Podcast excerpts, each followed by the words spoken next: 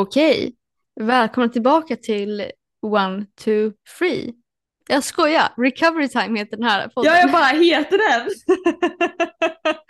heter inte Recovery Time? Gud, det är så mycket namn nu. Det är One, Two, Three Group, det är Recovery Time kurs och det är Recovery Time här. Jag fattar, du är, det är godtaget. Ja, jag ber om ursäkt. Eh, till Recovery Time. Däremot så alltså, det står ju One, Two, Three på våran lilla logga, eller logga, bild för podcasten. Men det är ju mest för att ni ska kunna koppla den till våran Facebookgrupp. Exakt. Ehm, för det här är också varför vi startade podden var ju lite extra stöd för de som också går vår kurs ehm, Recovery Time. Men eh, idag ska ni få lyssna på när Emma rostar mig lite grann. Men gud vad hemskt. I'm gonna be toasty. Nej, jag ska inte roasta dig. Jo men lite ska jag Varsågod. faktiskt. Ja, nej, men lite ska jag roasta dig.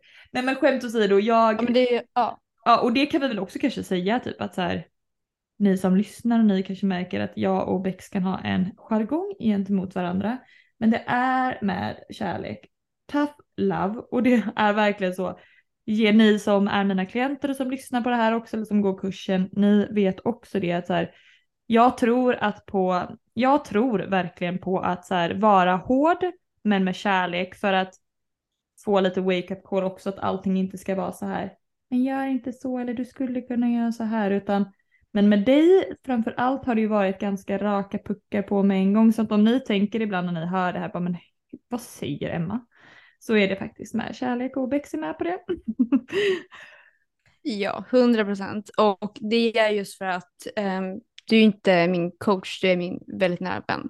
ja, Ehm, som också coachar mig, ja, men Nej men, men du, det- du var ju verkligen så i början också, du var ju så här. jag behöver att du säger till mig på skarpen om jag ska fatta. mm, Eh, du ville ju typ att jag skulle säga liksom till dig liksom så här, men alltså nu vad håller du på med? Du är helt dum i huvudet, vad gör du nu? Och då gick det ju in för dig och bara såhär, ah fattar, nu fattar jag.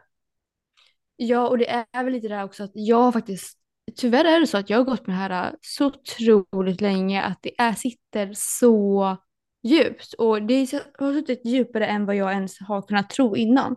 Och det är jag jätteglad att du liksom såg. Men det är därför jag, eh, jag behöver inte bara tough love, jag behöver men så, ja, alltså, i med hårdhandsken liksom. För att, och det, det är sån jag är. Det är inte så man ska bemöta allihopa man känner. Det här är någonting som du gör mot mig liksom. Ja men exakt, och det är gud. därför jag menar att jag ville säga det så inte folk bara såhär, hallå, Mm. Va- vad har ni för relation? Utan det, det är på din begäran. Ja, men det är ju också för att jag är ju mycket mer mot slutet av det här än eh, de flesta. Säger jag så har jag ändå sagt att jag sitter djupare än någonsin. Det är inte, jag har varit på det här väldigt länge så det är väldigt svårt att hitta vad som är eh, bra, vad som är dåligt och liknande från många anledningar. Eh, och det är därför det sitter djupt. Men du har ju en väldigt djup förståelse Men- också i, i det nu från skillnad till tidigare. För att liksom, om, om vi då backar bandet lite som första gången när jag kom hem till dig. Då hade jag varit på Soul Space och kom med mitt eh, världens närmaste och djupt connectad med mig själv och såg allting liksom. Eftersom jag var ju så himla så här. Mm. Och så kom jag hem till dig och du var så här. Ah! Det var liksom så här, vi möttes inte riktigt på samma energier kanske. Alltså nu när jag tänker tillbaka, gud vilken, alltså det kan vilken en komediserie det här har varit. Ja men faktiskt, men det var ju lite, och jag, ja men så för att komma in på kontrollen då att så här, jag kommer ihåg vi skulle laga mat och du står från att så här vi har haft det lite så lugnt till att du bara blir superstressad och bara går in i något jättestressmode och så här. Ja men det var verkligen så här, gå från köket typ. Det var den känslan att jag inte alls kände mig välkommen i köket och det skulle liksom saltas på ett sätt, det skulle peppras på ett och det skulle, och du hade en plan med allt. Eh, samtidigt som du hade sagt liksom eftersom jag hade varit och kockat så var ju du så här, åh kom hit och laga all mat till mig. Liksom så här, nu ska vi äta den här maten, då äter så kommer jag dit och så var man ändå inte välkommen till köket. Nej men och det, det, Nej, men, ja nej, men det grundade sig verkligen i din kontroll och vilket vi fram, alltså men det var ju efter typ första måltiden som jag var så här, men Bex vad hände nu i köket? Alltså det, det blev ju panik och det blev så här att jag ja, men skulle inte läggas upp någon mat. Och det skulle varas på ett sätt och det skulle vara med en tallrik och det var, men det var så mycket sådana här grejer. Men efter vi hade pratat med det, om det, för då var jag just där i några dagar. Och då var det verkligen så här, det tog bara en vändning med en gång för att det är det som skiljer från att du också är på liksom utkanten, att du var ju sådär okej, vänta lite, vad hände? Säg vad jag gjorde för fel så gör vi om det med en gång. Så nästa månad Mm. blev det en annan sak. Då var det så här, kan du göra frukost till mig? Kan du göra lunch till mig? Kan, alltså så här, Mm. så he- var det ett litet drag utav dig att du ville ha en personlig kock kanske? Det kanske var Det var bara därför. på den. Du är inte sjuk, du har ingen kontrollbehov. Nej precis, jag vill bara ha en personlig kock. Exakt. Du kommer tre dagar om året liksom. Ja. Oj vad värt det liksom. Perfekt. Nej, Nej nej gud. Vilken sarkasm. Alltså, det är också en grej. Eh, I den här podden så kommer ni att höra ganska mycket sarkasm och skämt. Men det är av också en mental grej för att när man skrattar lite grann, när man har lite sarkasm i saker som är allvarliga avdramatiserar man lite känslor och det hela. Det betyder inte att det man tänker och känner är inte viktigt utan bara det här med att ta det inte till 100 procent. Man behöver inte strö salt i de såren som redan är lite känsliga. Verkligen, och få lite distans till det. Alltså verkligen vi, det, Mm. och det kan jag tycka att jag fortfarande gör ändå i min coachning också även så med lite med lite så att man går in och skrattar lite åt det. Jag har speciellt en klient som verkligen så här, hon, hon gillar också att ha den lite så här jargongen och vi kan verkligen så här skoja när, om hon berättar någonting som kan ändå vara ganska hemskt så kan vi nästan kolla på varandra och vara så här, ja för det var ju rimligt. Och man säger nej det var ju helt Mm. idiotiskt och så bara säga ja det var ju en rimlig tanke eller Alltså så här att man bara så här, men vad, vad händer och att man skrattar lite åt det. Eh, vi gjorde det ofta när jag, när jag var sjuk att det kunde verkligen vara så här. Men det låter jättehemskt att säga det högt men jag hade en jag hade lite så här komplex över min rumpa för den var verkligen helt platt. Den är fortfarande inte jättestor men ändå. Eh, jag var verkligen komplex för den. Och då var det verkligen så här att gud akta, akta Emmas rumpa om jag gick förbi typ i, i trappan eller någonting. Att så här, det låter jättehemskt när jag säger det högt men det kunde verkligen vara att jag skrattade åt det bara nej jag vet den är så liten. Men att då kunde jag lättare bara säga men åh, nu ska jag äta den här jävla rumpan. Mer så att så här, jag behövde än att det skulle bli så här gullig gullig gullig gullig. För det funkar inte Mm. Ja, och sen finns det också en, eh, en jargong som kan gå lite för långt också. Det är ifall man tar och gör sådana sarkastiska eh, kommentarer från saker man kanske inte tyckte var så himla roligt. Till exempel, jag har fått höra ibland eh, med någon som har eh, ibland lite väl många gånger sagt och kommenterat hur jag var första gången jag blev sjuk. När vi kommer till att eh, hur lite jag åt. Och nu kommer inte jag ta upp det här i den podden för jag vet att det kan vara väldigt triggande.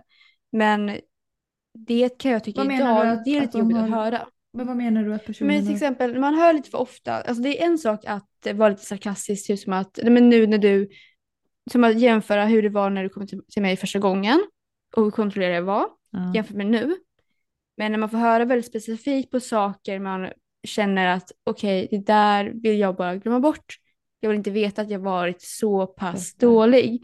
Man kanske inte ska skämta om någon annans värsta stunder eller värsta beteenden. Och det är inte någonting som vi gör mot varandra. Men det tycker jag är viktigt att ta upp det i den här gruppen också. Eller gruppen, den här podcasten. För att jag vet definitivt att eh, det finns en person som ibland lite väl många gånger tar och eh, eh, säger till mig och kommenterar att eh, ja, på ett sätt som inte är alls kul att få höra. När jag Där tänker jag Rebecka, det måste du säga. Ja men det måste du säga. Till exempel som du och jag, vi har ju den jargongen och vi bägge är med på det. Du skulle ju inte ha den jargongen med någon random person precis som jag inte heller hade haft.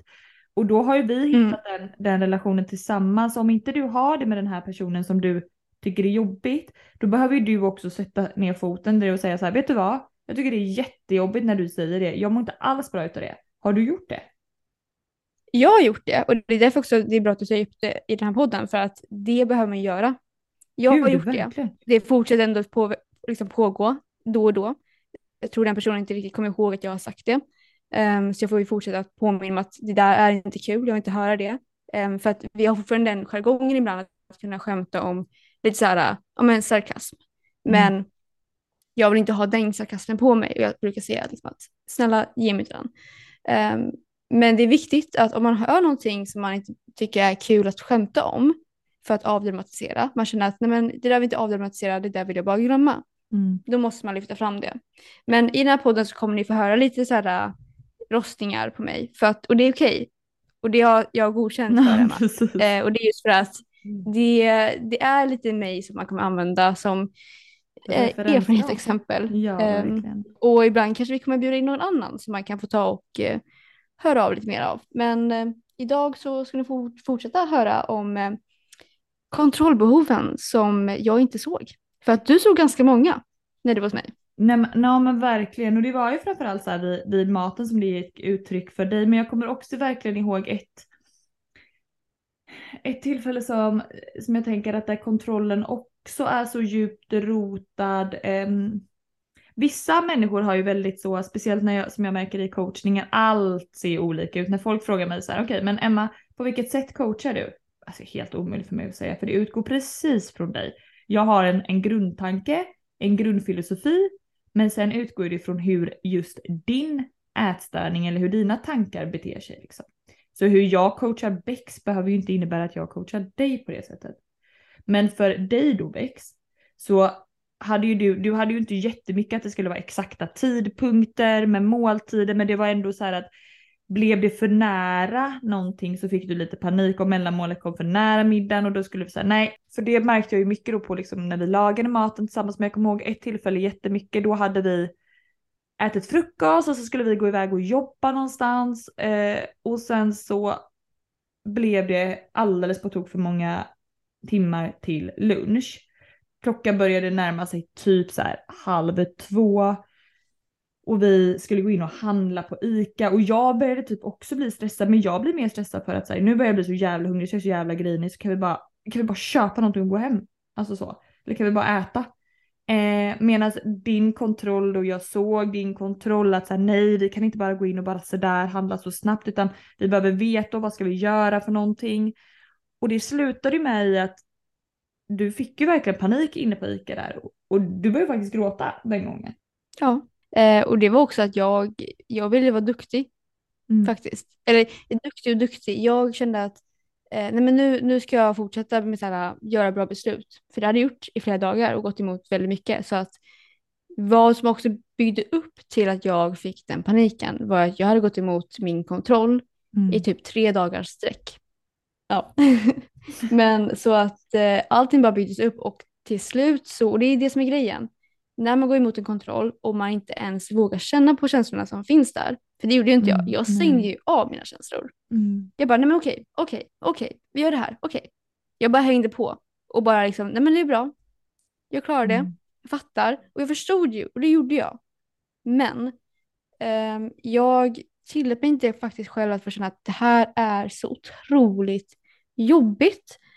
Ehm, och fortfarande idag kan jag tycka att sånt där är jobbigt. Mm. Och det är det jag fortfarande jobbar med, just de här små kontrollerna eh, som bygger upp till när jag tar ett beslut som egentligen är byggt på kontroll, ett ohälsosamt kontrollbehov, eh, då kan jag frysa till för att det pågår typ en kamp i min skalle. Tills det att jag kommer ner på jorden. Det är ju det som Exakt. för dig. Alltså för du reagerar ju så starkt på stressen också. Generellt sett så blir ju du, vid stressade situationer så blir ju du, men hela din kropp stelnar ju bara så här, ah kortslutning. Och det var ju väldigt så Mm. det blev inne på ICA. Att så här, du, vi bägge började bli hungriga, alltså verkligen hungriga, verkligen så här snickershungriga. Och då skulle vi också ta ett beslut på så här, för mig var det att vi typ skulle gå in och köpa något komplement till lunchen. Och för dig var det så här, jag kommer ihåg att du står med en pasta och bara ska vi äta pastan eller ska vi äta det? Och så blev det väl så här och så står du och dividerar med dig själv och så var jag så här, ja för mig spelar det ingen roll. Och så blir det så här, ah, och så vet jag ju, jag ser ju på dig att du dras med så här, vad vill Bex, vad vill Emma, vad vill ätstörning, vad vill kontroll, vad går snabbast? Så jävla många Vad är billigast, vad är dyrast? Exakt.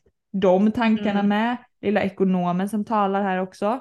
Att så här, okej, men så många olika tankar liksom som, som kom in. Men det slutade ju faktiskt, ja men först då att så här, det blev en liten panik och att jag fick märka, eller att jag märkte det och att vi liksom så här stannade lite där och bara okej men lite vad händer nu? Mm. Gråta lite. Sen var det verkligen så här okej, vet du vad? Vi köper någonting att äta och sen går vi hem i lugn och ro och lagar en lunch så att så här, vi flyttar, du kan äta mellanmål nu. Behöver inte äta det sen, Mm. man kan också flytta. Och då upplever jag att när vi, vi också landade i det, du köpte någonting att äta och så var det så här, okej, men vänta lite nu. Problemet är lite löst. Vi har ju inte lika panik hem till att äta lunch nu. Det gör ju ingenting om lunchen blir klockan två. För att nu Mm. har vi liksom lite löst här, alltså så här, du har fått din, din lilla måltid här och vi, jag vet inte, vi köpte någon, någon bar eller någonting att käka och, och så här att, att faktiskt bara kunna byta ut liksom eller att skifta och jag tror att där du fastnar ju lite i tanken också att så här, när jag ska äta lunch och sen ska jag äta mellanmål, hur ska jag hinna det? För sen ska jag hinna äta middag för jag tror att du skulle iväg på i, friidro, eller friidrotten, idrotten och liksom att du är redan så långt bort i huvudet. Och på dagen. Mm. Ja, och jag behöver ju ha någon typ av tidsuppfattning för det jag ska göra. För att jag har ju en, en idrott som väntar, jag har jobb som väntar, som många andra i livet har. Eh, men det är ju just det här med att inte kunna gå in och bara, nej men gud vad jag är hungrig, gå in och köpa någonting. Riskakor, frukt, vad som helst, en banan, jag vet inte.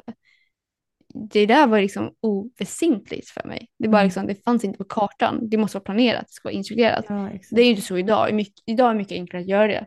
Eh, men om man inte liksom utsätter sig för sådana situ- situationer, då blir det mycket svårare.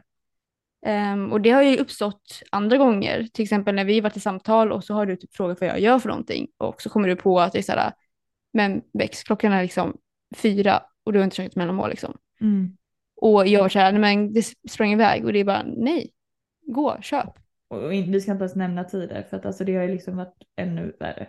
Alltså det har ju varit på kvällarna vi har hört så jag bara Ja. hallå. Så.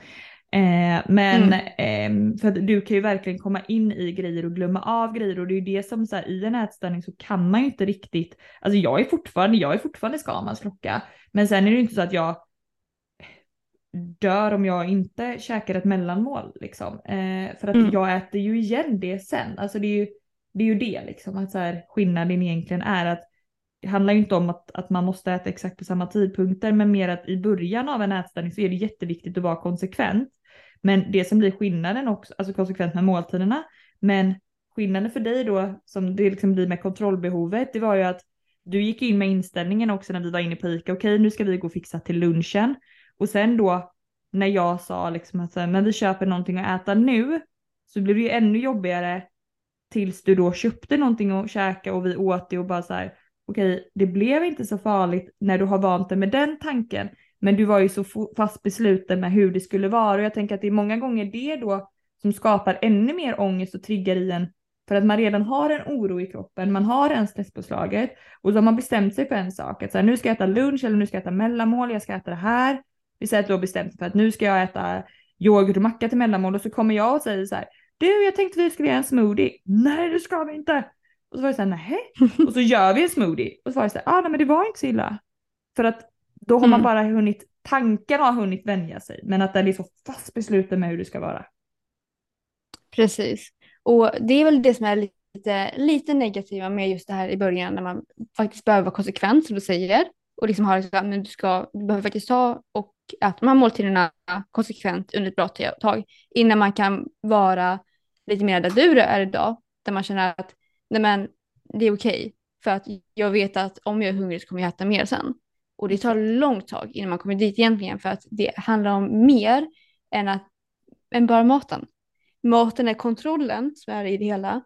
Det handlar inte om själva måltiderna utan det är liksom just det här med att Gud, jag är så dålig på att förklara det här men du kan förklara det bättre tror jag. Förstår du vad jag menar? Just med att för att vi pratar väldigt mycket om måltid och mat just nu. Så att det kan låta som att det är en väldigt stor del av ätstörningen. Och ja, men nej. Eller hur? Ja, ja men ja, nej men gud verkligen. Alltså jag brukar säga att så här, maten är en central del i en ätstörning för att många gånger är det, alltså ät, det är ju vad, vad det går ut över. Alltså ätstörning går ju ut över maten. Det är ju därför det heter ätstörning för annars hade det kanske hetat eh, drogmissbruk, alkoholmissbruk eller sexmissbruk, alltså att det hade gått ut över det. Men nu heter det ju ätstörning på grund av att det går ut över maten och därför blir det en central del eftersom det är så man hanterar ångesten på.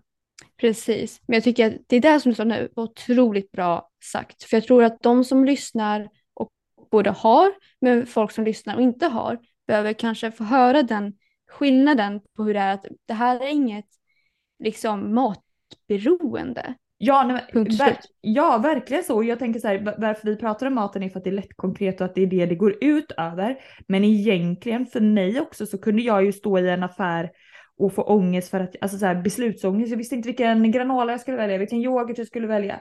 Och jag visste inte och det blev kontroll i form av att så här, åh, jag vet inte, det blir så mycket frågor och jag kanske borde ha läst innehållsförteckningen och sen kommer in där och så ska man börja tänka på liksom så mycket grejer. Alltså så här, det handlar om så många olika grejer som kontrollen kan liksom gå ut över.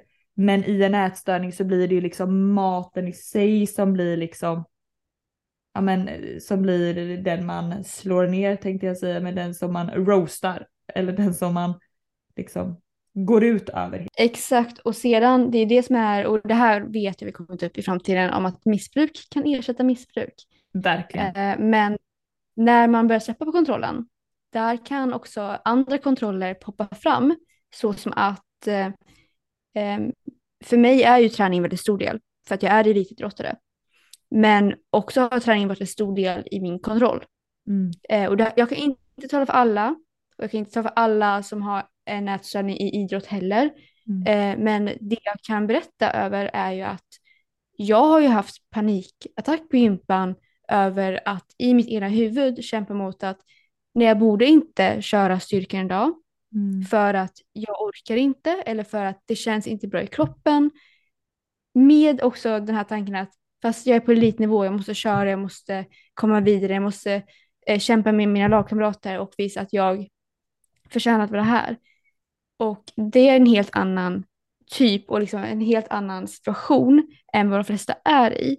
Mm. Men just sådana konflikter i huvudet, det är ju det som sker när man bryter kontrollbehoven.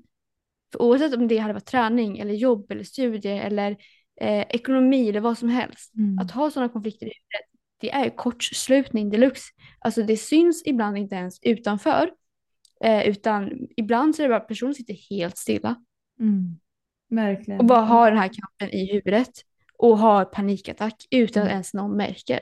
Men det kan ju verkligen Mm. ge utlopp på, på så olika sätt. Jag kan märka ibland i coachning som jag har en och en också att så här, jag, det är jättetydligt även det är digitalt att jag är så här, där checkar den personen ut för att blicken kommer någon helt annanstans eller att vi pratar om något och så ser man att nu fastnar personen i tankarna för att det börjar spinna på i kontroll och bara vad händer då? Vad händer om jag tappar kontrollen? För det är mycket det det handlar om också att så här, man är rädd att tappa kontrollen för vem är jag då? Vad gör jag då? Vad kommer det innebära? Och så är det ju med allt, även det gäller mat eller om det gäller tappa kontrollen i arbete, skola, studier. Kommer jag, om jag inte har någon kontroll, kommer jag fejla på alla tentor då? Om jag inte har någon kontroll i jobbet, vem kommer jag vara då? Om jag inte har någon kontroll på maten, kommer jag bara gå upp och gå upp i vikt då? Eller kommer allting bara spåra då? Det handlar ju om att man har en föreställning att- om att så här, kontroll är lösningen på alla mina problem. Och har jag ingen kontroll, då vet jag inte heller vem jag är, typ. Vad är ditt bästa tips på det här, Emma? Men alltså verkligen, verkligen att identifiera sin, alltså sina kontroll. Vad, vad sina kontrollbehov ger uttryck någonstans. I vilka sammanhang. Och våga nyfiket ifrågasätta sina beteenden. Att så här, men är det här ett kontrollbehov som för dig då? Du märkte ju inte alla kontrollbehov för du var själv. Och så kom jag in då och bara så här, men vad håller du på med? Eller som nu när du är tillsammans med Leo, då har inte du alls samma utrymme för det här. Men att, att liksom våga liksom, eh, det kan jag känna idag, liksom även i, idag ibland att så här, jag och Filip ska resa säger vi och så kan jag nästan bli arg när han bara så här går i, i resväskan och han håller på och fixar och jag blir arg och så är han så här, men varför blir du så arg? Och så är så här, frågar jag mig själv, nej det är för att jag inte litar på att vi får med allt om du håller på. Jag vill ha det att så här, det är också ett exempel på kontroll, att så här, det är det som gör att jag blir arg för det och att, att bara så här, okej, men gud det är ju därför. Och så pratar man om det högt och så kan han fråga sig, okej men vad är viktigt för dig att få med i resväskan? Ja det är det här och det här och det här. Okej bra, men om, då vet jag det och så kan du släppa det. Och det här kan man ju ta i alla olika sammanhang. Vad det gäller mat, vad det gäller träning, relationer, plugg, vad som helst. Att så här, våga ifrågasätta dina reaktioner i olika situationer. Och när du vet det, börja gå emot det. För går du inte emot det, Vågar du inte bevisa någonting annat så kommer du aldrig bli av med de här kontrollbehoven heller. Och då kommer det, alltså desto djup, mer djupt rotad dina kontroll blir i dig, desto svårare blir det att bryta ett mönster. Alltså så är det ju med allt, desto längre vi går med magproblem, hormonella obalanser, ångest, oro, vad som helst, desto svårare blir det att bli av med det. Så våga frågasätta, våga gå emot och tänk inte så här, nej men det löser sig nog av sig själv. Nej, det gör det inte. Så jag är ledsen att säga det, men det kommer inte lösa sig av sig själv.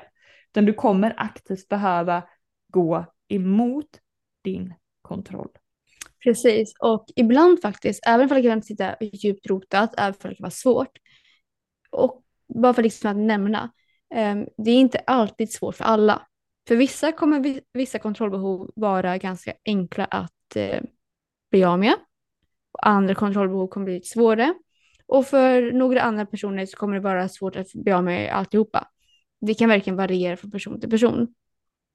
Hänger med vad jag menar? Ja, ja, jag håller nog inte riktigt med. Eh, för att jag tror att så här, är det ett djupt inrotat kontrollbehov då är det sällan lätt att bryta utan då behöver det ha varit ett beteende som är ganska nytt i så fall. Eh, som kanske inte har blivit ett riktigt, kont för kontrollbehov, det tycker jag verkligen är någonting som så här, alltså kontrollbehov många gånger är någonting som många mår väldigt dåligt över, även om det är en så här löjlig sak inom parentes som att så här, ja, jag vill packa min egna resväska det är betydligt mycket lättare att gå emot den typ av kontroll än när jag skulle gå emot massa grejer vad det gäller ätstörningen. Men det tar ju fortfarande emot för att vi är så inmatade, våra kroppar är inmatade med att så här, när vi går emot saker som vi har en föreställning om är bra, då är det som att hela våran kropp skriker nej, nej, nej, gör inte det här, du kommer dö, du kommer dö, för det är våran överlevnadsstrategi. Så det är svårt att gå emot kontroll och vi behöver vara medvetna om det. Sen kommer vissa saker vara betydligt mycket lättare än andra. Men om vi sätter så här då, för att jag, då har jag exempel från, eh, från gympavärlden här då. För att mm. det, det, är där jag är ifrån. Så det kommer bli mycket sådana exempel. Men jag har ju mycket lättare att om jag kommer till en träning och känner att nej men alltså, det gör ont här. Liksom att jag håller på att sträcka mig, vilket jag höll på att göra här om veckan. Um, då tränade jag inte lika intensivt. Jag körde inte det som var planerat. Och det bestämde jag mig på plats. Ehm, jag har mycket lättare att då antingen av, alltså, ta bort hela träningen eller göra något annat, liksom omplanera eh, om jag vet att jag håller på att få en skada. Än om jag bara är lite mentalt trött eller om jag liksom inte mår bra mentalt. Liksom. Jag, liksom, jag är trött eller jag har inte fått in ordentligt, bla bla bla. Um, det är svårt för mig att avbryta från. Ja, men alltså där måste jag få avbryta dig på det innan jag glömmer det. För att det här, det du säger egentligen, det är ju egentligen att så här, du vet att, att om du inte avbryter träningen när du börjar få en skada, då vet du av erfarenhet att den skadan kan leda till en jävla annan skada. Eller en jävla massa andra skador. Exakt. Som kommer få dig att vara borta ännu längre. Så att det kallar jag egentligen lite mm. hot motivation. Det du gör mot dig själv. För att du får lättare och gå emot din kontroll eller gå emot din planering om du vet att det kan leda till ett mer helvete än där du befinner dig nu. För att om det är ditt mående som styr dig. Så alltså så här, om det är ditt liksom mentala mående som får dig att så här, ah, nej men jag känner nog att jag är lite seg i kroppen idag, jag borde kanske avbryta träningen. Då är det så här, nej Pix kom igen, du kan mer, du kan mer. Då kan du pressa dig som fan. Men om du skulle veta att så här, nej men pressar jag mig så mycket nu så kommer jag lägga helt död i två veckor. Då hade du inte gjort det. För då kunde du gå miste om ännu mer träning. Har jag en poäng? Det där känns väldigt sant. Det är väldigt sant och det är fortfarande, jag måste ändå också säga att nu säger inte vi att här, om du känner dig skadad så ska du ändå köra för att du har motivation. Eh, för det är bra att kunna avbryta och det är bra att kunna känna att nej, men, det är inte värt att vara borta i två veckor för att du ska köra, köra liksom en dag. Men du har rätt i det här med att det är inte heller den anledningen man ska ha. Utan man ska ha anledningen att men, nu håller på att skada mig, jag avbryter för att jag, liksom, för min kropp jag vill inte skada mig. Typ nej, så.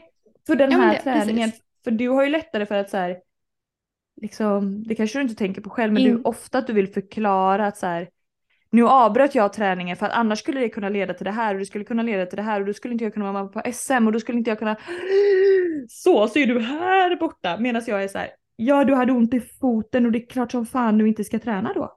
Punkt och slut, det räcker Mm. det. Precis. För att då tar jag liksom redan där planera inför okej hur länge ska jag ha, ha eller ska jag? Hur länge kommer jag kanske ha ont i foten? Vad ska jag Mm. göra då? Så det är sant det du säger faktiskt. Vad intressant att jag lyfte fram det så fick jag svar också. Underbart. Det var ju tur att du fick en insikt. Men för jag tänker liksom som, som lite det med motivation som jag menar att för dig, du går ju mer igång på att det är lä- det är lättare för dig att gå emot om du vet att du kan ta stryk på det under längre tid. Vilket många har liksom att så här, eh, om, om jag säger till dig att så här, du ska inte träna nu och så tänker du så här, varför ska jag inte göra det? Nej men för jag säger det, det blir ju svårare än om jag säger nej för att gör du det så kommer din kropp ta skador, du kommer inte kunna träna på ett halvår. Eh, och då blir det lättare, för då blir du rädd för det. Även när du var då jättesjuk så skulle du kunna vara så här, nej men då tränar jag ändå för att jag vill så gärna bryta, jag vill så gärna må bra idag. Liksom döva den på det Mm. sättet. Kortsiktigt. Ja, det där förstod jag faktiskt. Ehm, men jag tycker ändå liksom att det var ändå en bra... Alltså motivation kan ju vara bra i vissa fall när man känner att inget annat funkar i huvudet. För att Mm. när man har en förklaring och vet varför det är bra att inte följa en, en annan kontroll så är det ju lättare att avbryta från den i det tillfället. Så jag förstår också vad du menar med att nej, att bryta kontroll är inte lätt. Eh, och om- det är så pass djupt rotat som kontroll verkligen är. Ehm, än att liksom inte kunna packa resväskan. Liksom. Nej men och Ehm, det är ju skillnad på olika typer av kontroll. Och precis. sen det med motivation, Ehm. alla går igång på olika saker. Alltså du är en motivationare, jag är en motivationare, vissa är motivationare. Alltså det är också två olika saker så vi kan ta ett helt annat avsnitt.